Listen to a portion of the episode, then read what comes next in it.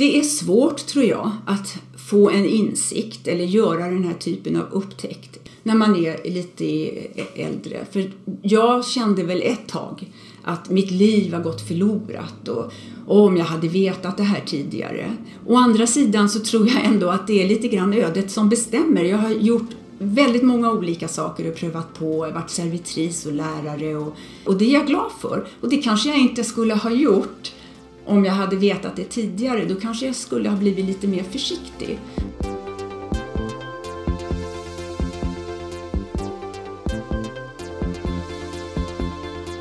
Du lyssnar på HSP-podden med Leveby och Klar. Hej och välkomna till ännu ett avsnitt av HSP-podden med Leveby och Klar.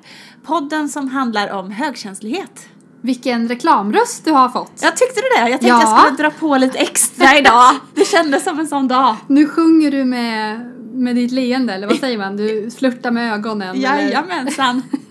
Vi sänder från Matildas hem den här veckan. Där jag precis eh, har ätit lite grann för att inte bli hangry. Blodsockret eh, var väldigt lågt där ett tag. Bra för dig, Matilda. Bra för mig. Och bra för er som lyssnar. Och vi vill börja med att tacka er för alla fina mejl som vi har fått den här eh, veckan som har gått. Vi har fått ta del av en hel del personliga berättelser om hur vi är med och hjälper er i er högkänsliga vardag och resa. Vilken ära för oss! Och det känns också lite skönt sådär när vi liksom pratar varje vecka om oss själva och babblar på om oss och hur vi funkar och sådär. Så känns det också härligt att få tillbaks lite personliga berättelser från er som lyssnar tycker jag. Och att det ändå, fast vi har oroat oss lite grann för att det bara, eh, att vi bara pratar om oss själva, så verkar det ändå finnas igenkänning hos er där ute. Så rätt verkar vi ju göra. Ja, det blir ju ett utbyte på det här sättet ändå tycker jag. Jättefint. Eh, Och ni får jättegärna fortsätta att höra av er till oss på eh, mail till exempel. Där når ni oss på leverbyochklar.gmail.com eller Facebook, där heter vi HSP-podden med Leveby och Klar. Och eh, förutom personliga berättelser och sådär så kan ni också tipsa oss om ämnen som ni vill att vi ska ta upp. Och gäster! Gäster, precis! Hur är läget med dig Ida? Jo men jag har fått en upptäckt. Men jag tror att jag äntligen kan eh, förklara för folk vad högkänslighet är för någonting. Efter 27 avsnitt av HSB-podden med Leverby och Klar så kan vi förklara högkänslighet. Precis så. Ja. Nej men alltså jag har haft lite svårt med det och så här, när folk frågar vad är det för någonting då, vad betyder det? För mig är högkänslighet mycket med känslor, att jag har så mycket känslor och att de går så mycket upp och ner. Men det som kännetecknar allting, det är ju det här med att jag tar in alla intryck. Och att jag behöver tid att bearbeta dem. Och att jag är känslig på det sättet. Och jag tror att det är lättare att förklara för folk som inte har kanske så djupa eller starka känslor. Att föreställ dig att du tar in alla intryck. Och att det går på djupet och att du har en djupare bearbetning. Och att det är ju det som det innebär att vara högkänslig. Snyggt. Ja, och jag tror att så här, det behöver väl liksom sätta sig lite kanske bara. Att jag har inte kunnat förklara för att det har legat för nära mig själv. Ja. Men nu kan jag ändå förklara det här med djup bearbetning, uppfattningsförmågan, den emotionella mottagligheten och överstimuleringen. Så att jag tänker att väck mig någon natt så kan jag rabbla upp de här fyra. Ska jag öva? Bra. Bra. Det känns väldigt bra, just för att jag vill inte bli satt på pottkanten när någon frågar. Nej. Jag vill kunna berätta på ett sakligt sätt. Ja men det är klart. Och det är ju lättare när man kan se det lite i ett utifrån perspektiv tänker jag. Jag har också fått hjälp av eh, veckans gäst. Hon har skrivit en bok. Men det ska vi återkomma lite grann till. Hur är det med dig? När vi pratade förra gången så hade du gjort ganska mycket saker. Träffat vänner och städat och grejat. Hur eh, har det varit den här veckan? Ja men den här veckan har varit ganska lugn efter jobbet så jag har kommit hem till ett städat hem. Jag har tänt ljus, jag har kollat på min favoritserie Bones. Nu, jag är inne på elfte säsongen. Det är lite sorgligt för det finns bara tolv och jag har precis fått reda på att den tolfte säsongen är den sista.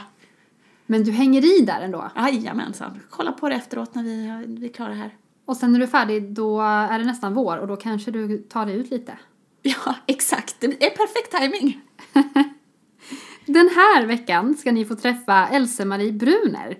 Hon är kvinnan som har satt högkänslighet på den svenska kartan. Inte bara har hon varit med och startat upp Sveriges förening för högkänsliga, SFH. Hon ligger också bakom sajten HS Person och har nyss kommit ut med nya boken Högkänslig, en sen då. Och boken har fått eh, fina recensioner. Bland annat från Elin Lundberg som tidigare har varit gäst hos oss. Hon är ju eh, numera HSP-kunnig enligt el- självaste Elaine Aron. Och Elin Lundberg tycker att eh, boken är väldigt bra och pedagogisk. Vad har hon sagt om boken?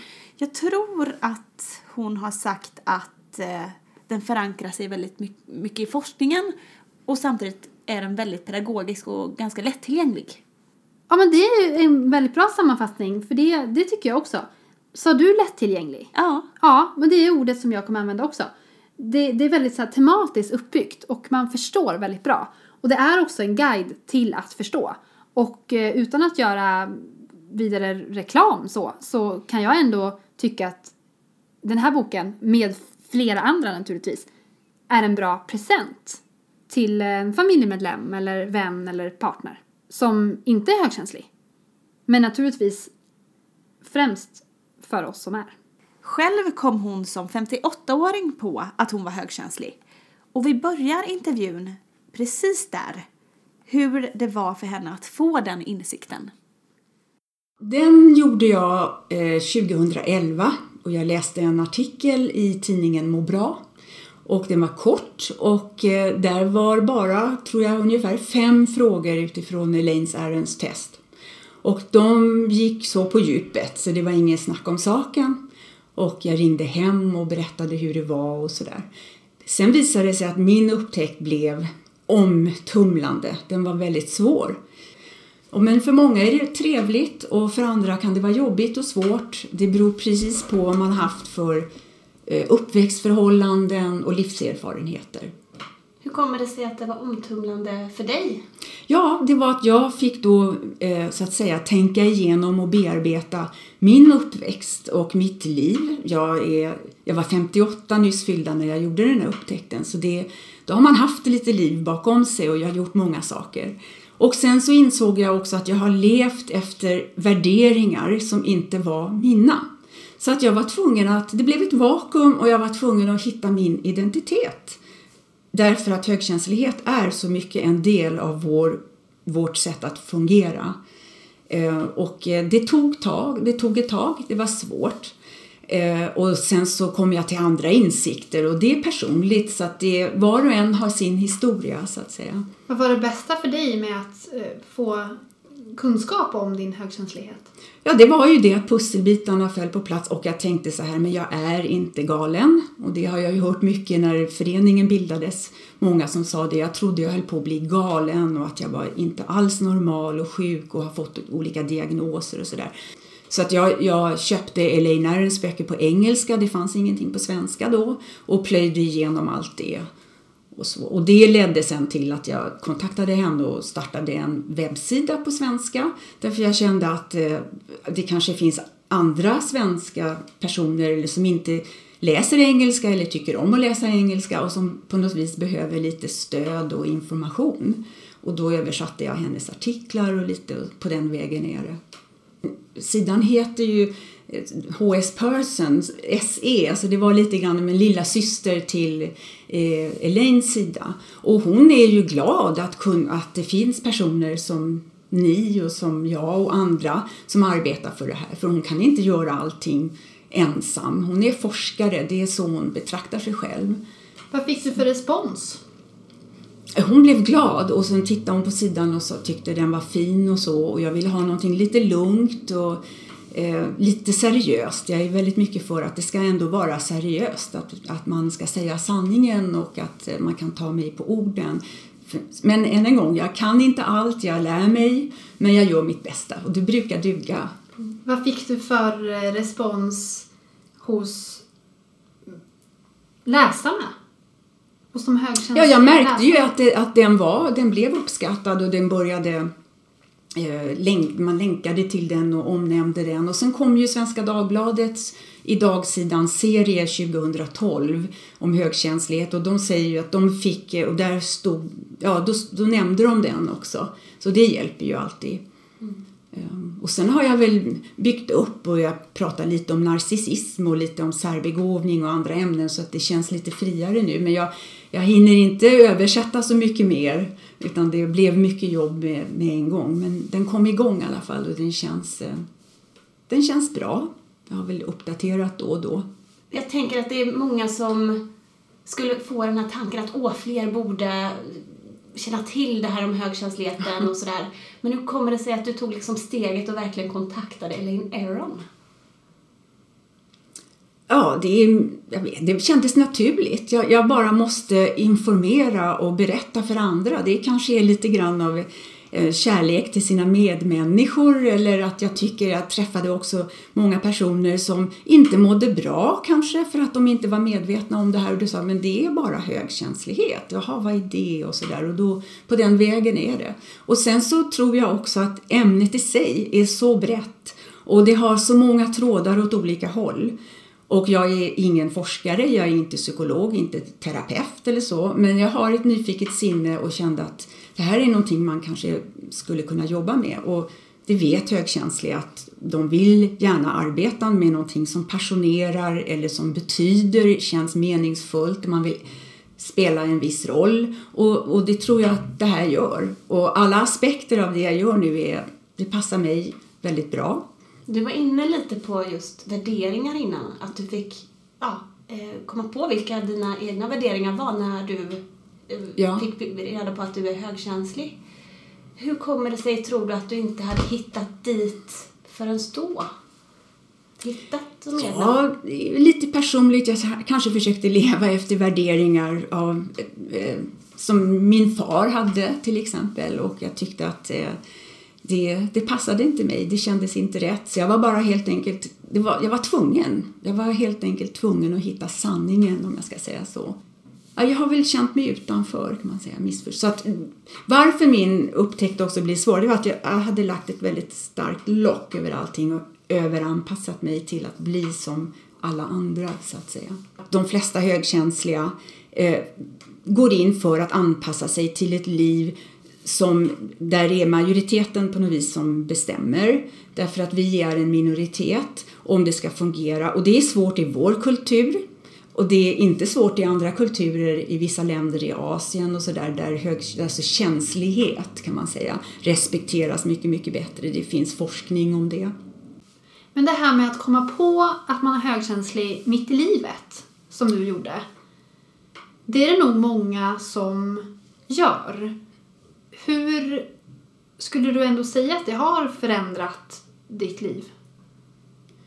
Det är svårt tror jag att få en insikt eller göra den här typen av upptäckt eller att eventuellt få någon diagnos när man är lite äldre. För jag kände väl ett tag att mitt liv har gått förlorat och, och om jag hade vetat det här tidigare. Å andra sidan så tror jag ändå att det är lite grann ödet som bestämmer. Jag har gjort väldigt många olika saker och prövat på. Jag har varit servitris och lärare och sekreterare och intervjuat eh, anställt, anställt människor. Så jag har gjort väldigt mycket och det är jag glad för. Och det kanske jag inte skulle ha gjort om jag hade vetat det tidigare. Då kanske jag skulle ha blivit lite mer försiktig. Men högkänslighet det är det vi föds med och som är den största skillnaden mellan eh, personer, en man och en kvinna. Den är nästan större än att skillnaden mellan att vara en man och en kvinna. Så det, det är viktigt ändå att man hittar hem Kände du att du hittade hem? Jag tror jag börjar känna det nu. Att jag har insett bristen på kunskap om det här och när jag kanske faktiskt behövde hjälp för att det hände en hel del insikter och saker och eh, jag fick problem som inte har någonting i och för sig att göra med högkänslighet men det var problematiskt och då vi, behövde jag kanske läkarhjälp eller en psykolog och sådär och det slutade med att det var jag som satt och gav kurser om högkänslighet och så fick jag betala vad det kostade att gå dit. Och, så genom att hjälpa andra så hjälpte du dig själv? Också, givetvis. Det tror jag. Det, jo, men det är nog sant. Det, det, är också någonting som kanske driver mig. Och sen är det det här att eh, när jag håller föredrag då känner jag mig i mitt element så att säga. Det är, känns bra. Och det senaste jag gjorde då var det över 70 personer och det satt en hel del män, manspersoner i publiken och det är alltid roligt. Och, eh, och sen eh, efter första delen, före pausen, så var det en man som sa Ja, jag kom hit för att eh, bättre förstå en vän, en väninna till mig. Men nu förstår jag att det är ju jag, det är ju mig det här handlar om. Och då sa en annan man på andra sidan, ja, jag också.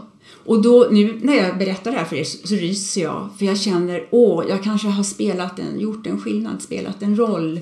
Eh, sen får jag hoppas att de tycker det var en trevlig upptäckt och de var också lite äldre.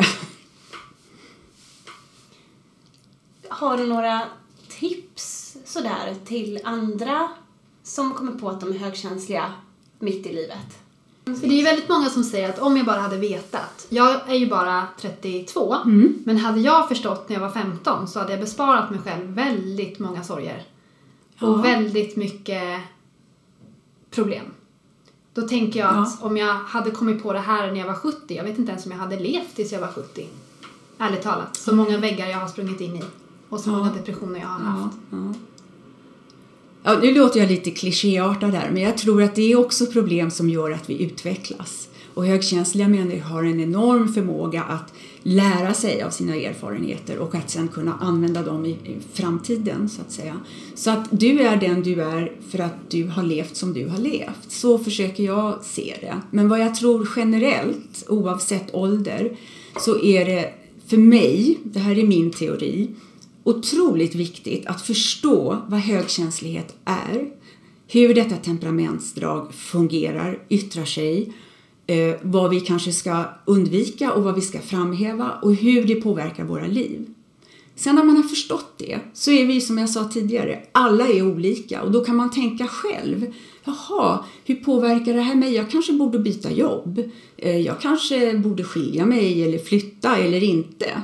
Så att jag tror att det är grunden och det är lite grann tanken bakom min bok. Eh, där jag försöker på något vis guida, guida runt. Och sen om man vill gå vidare kan man läsa mer.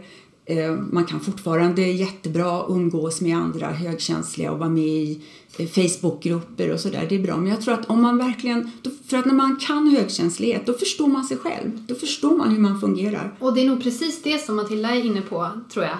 Att om man kommer på hur man fungerar när man är 30 eller 60, är det inte då bättre i viss mån att komma på det så tidigt som möjligt? Jo, det, det kan vara. Det kan vara. Men som jag sa förut, jag kanske, vi är lite olika. Ehm, Och jag kanske inte skulle ha gjort så mycket tidigare i mitt liv som jag har gjort. Och jag ångrar ändå ingenting av det. För jag känner det har berikat mig. Livet är ingen dans på rosor. Vilka sätt skulle du säga att du märker av att du är högkänslig på? Vad är det för dig? Det är mitt djuptänkande. Och det tycker jag har kommit bort lite grann här när man lyssnar på eh, ja, tv-program eller läser artiklar. Det, det, det verkar som att det bara handlar om emotioner och att, att vara för mycket stimuli och bli överstimulerad. Så. Men jag tror att det är mycket det sätt vi tänker på. Och det, sker, det är ju grundstenen för högkänslighet och det sker omedvetet eller medvetet och det sker i sömnen och det är därför det är viktigt att sova eller åtminstone försöka vila och sådär. Och då är det bra att veta det. För att då kan jag tänka att ja, men nu ska jag försöka fokusera och prioritera och, och så kanske jag behöver lära mig att meditera eller ta till någonting som lugnar det mentala. Ibland blir jag alldeles för mental och då vet jag det. Men det, det är såklart, jag tänker ju hela tiden på idiosier eller intelligenta saker, vad vet jag. Men allting ska malas i huvudet på något vis. Och det påverkar resten. Så att det är det jag menar, om jag förstår det då kan jag tänka, jaha, vad, hur kan jag integrera lite meditation i mitt liv för att lugna det? Och att jag kanske borde våga lite mer. Kan någon hjälpa mig och ta mig vid handen och, och, så att jag vågar ta ett steg ut i livet eller vad det kan vara. Du berättade, eller skrev någonting till oss om Sveriges förening för högkänsliga. Att du Ja. var med där i startgroparna. Ja, det kan var du jag. berätta lite om det? Ja, jag gick i skogen och funderade och tänkte att det här, jag kände mig bekymrad över andra människor. Att Sverige är ett avlångt, stort land. Tänk om man kunde skapa en förening med regionala grupper. Och så gjorde jag det, men vi var ju en grundstyrelse som grundade föreningen i november 2012. Och sen var jag i Eh, vad heter det, ordförande något år, tror jag. Och jag la upp då statuter och medlems... Det var väldigt mycket administrativt. Och, och efter ett år, då, då gick lilla jag in i väggen.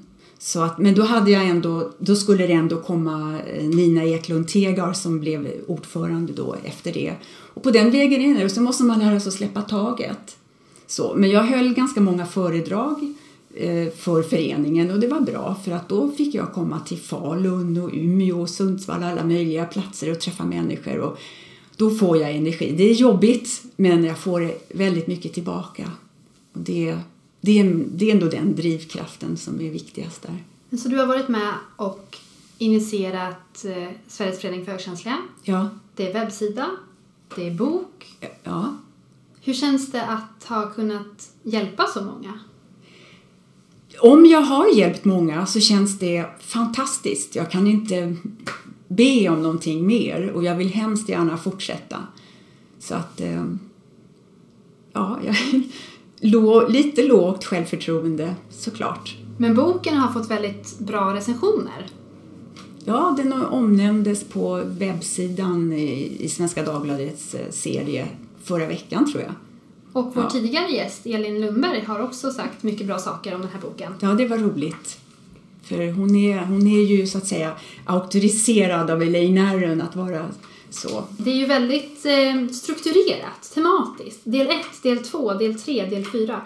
Nu nickar du Det ska vara pedagogiskt. Väldigt pedagogiskt. Ja. Hur, hur tänkte du med det?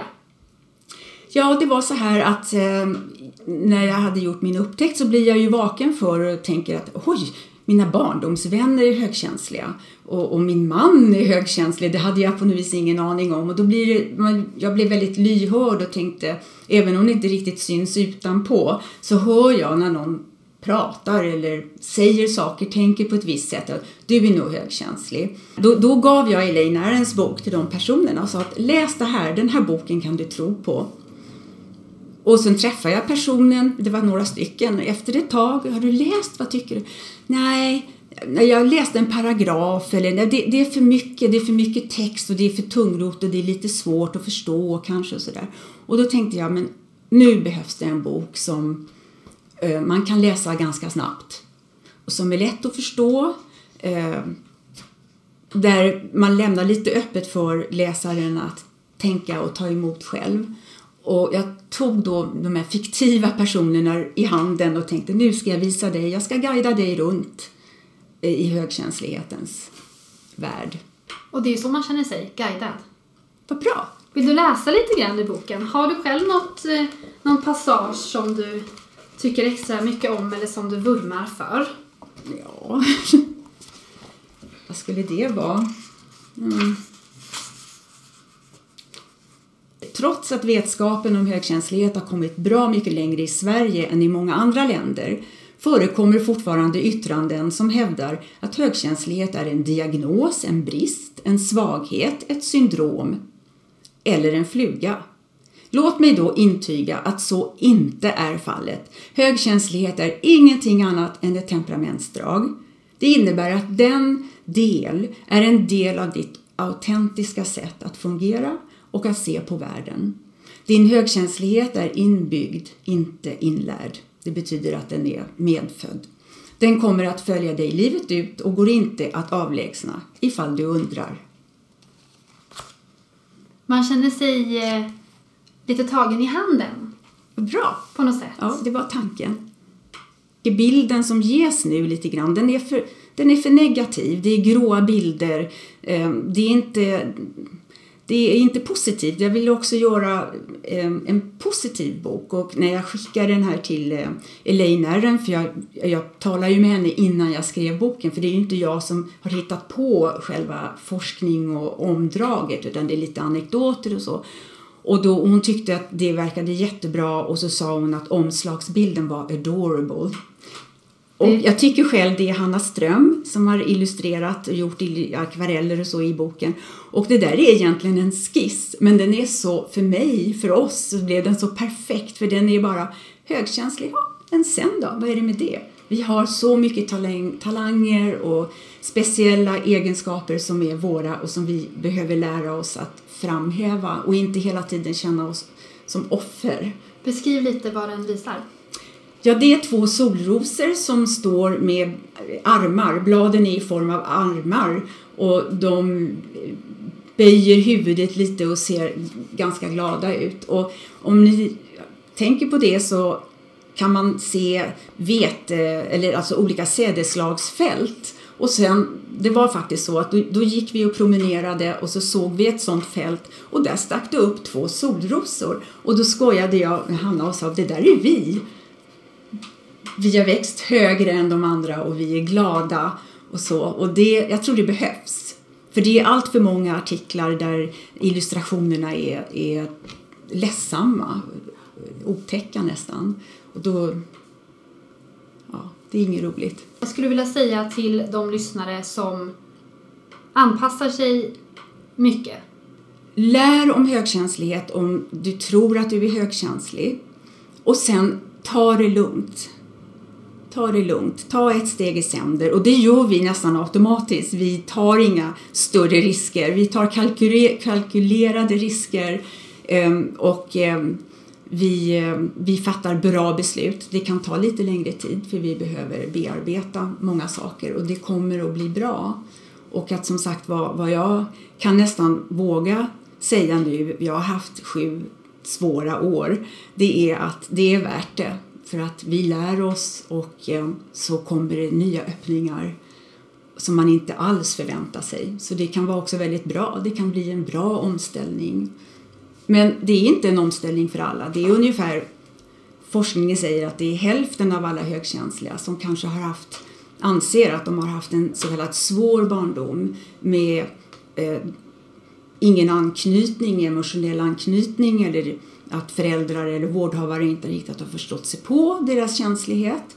Och så. Och, men de andra, de är, som inte lever eller har mycket stress och som har haft det bra och blivit eh, bekräftade, så att säga, deras känslighet, de, eh, de har det bra. De, blir, de är friska och det finns ingen anledning att de skulle ha något problem. Så att, eh, Tack så mycket Elsa-Marie ja, tack, ja, tack själv. Tack ska ni ha. Hej.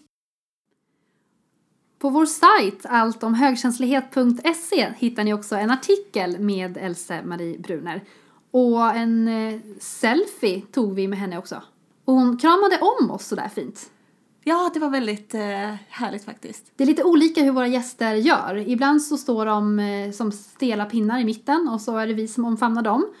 Och i det här fallet så var det hon som verkligen eh, tog initiativ. Ja, tog sig an oss. Vi fick också en present av Elsa-Marie. Det var väldigt gulligt. Verkligen. Lite choklad. Det gillar vi. Väldigt gott. Ska jag ha när jag kollar på Bone sen.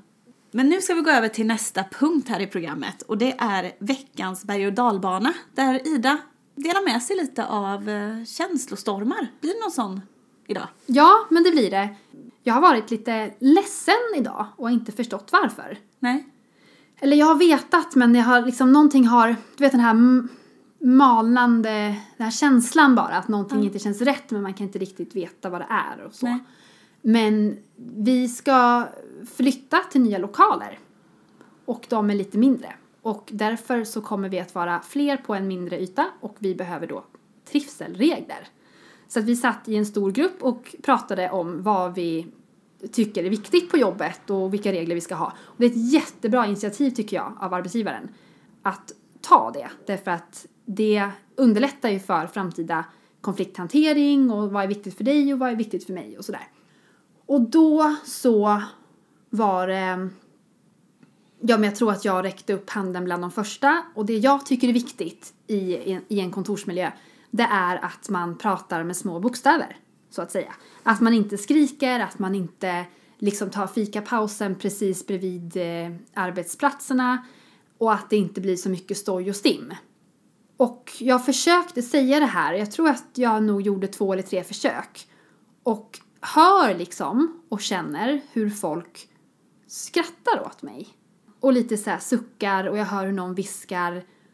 Och hur jag blir den här tråkiga då. Ja. Som måste då säga att jag tycker att det är jobbigt med för mycket ljud. Varpå det då uppstod diskussioner i gruppen liksom. Vad då ska vi inte få prata? Ja. Vi måste ju kunna prata om jobbet här på jobbet. Och då känner jag mig så himla missförstådd. Det var ju inte alls det det handlade om, att gå till den extremen. Nej, precis. Jag försöker bara säga att jag behöver lugn och ro.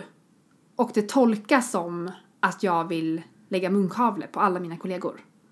Och då kände jag liksom, jag fick en så här flashback av hela mitt liv. Där jag tycker att jag har blivit missförstådd utifrån min högkänslighet. Att jag kan säga saker som uppfattas på ett sätt som jag inte alls menar. Men också att det blir liksom lite förlöjligat för att majoriteten av befolkningen inte känner igen sig. Och inte tycker att de problemen eh, som du har är inga problem. Nej, de, är som inte viktiga. Ja, nej. Och det är väl för att kan man sortera alla intryck, tar man inte in alla ljud, då förstår jag att det är en icke-fråga.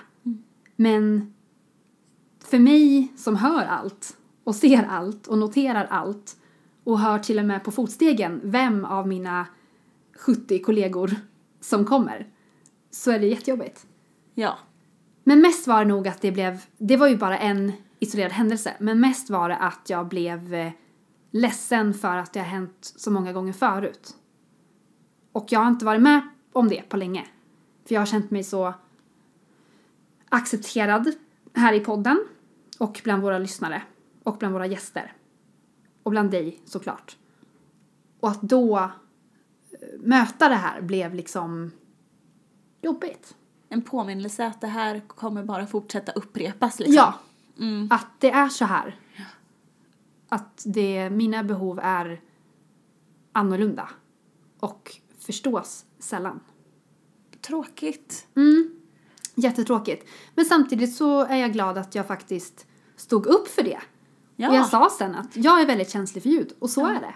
Jag kan tänka mig att det var flera som satt och tänkte att det var skönt att Ida liksom tar den biten för jag känner så här också. Man Men som inte tar hoppas. den fighten eller tar den frågan vidare. Så på nästa arbetsplats eh, så är det jag som kommer att eh, stå för det och säga att eh, nu får ni dämpa er lite. Ja, Eller, som jag tror, så blir det nog jag som får gå iväg för att det är jag som är känslig. ja. Det återstår att se. Spännande. Men det var lite små, smådeppigt. Nu hoppas jag att eh, Bertil Monegrims dikt kan muntra upp mig lite grann. Ja, det kommer den göra. För nu blickar vi framåt, ser du. Precis som vanligt med Bertil Monegrim. Han är ju vår favoritpoet som skriver väldigt mycket om naturen och årstider. Och nu kommer en dikt som heter Håll ut, snart kommer våren till oss igen.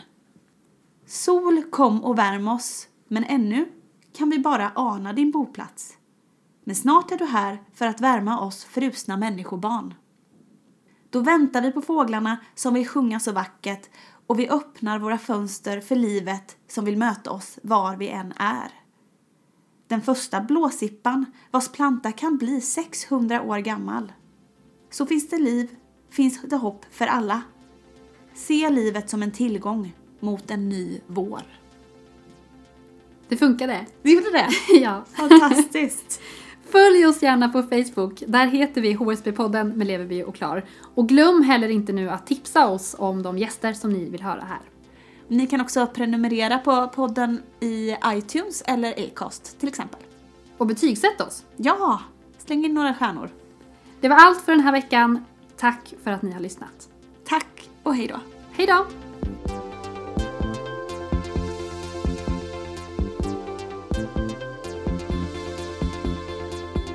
Du har lyssnat på HSP-podden med Leveby och Klar.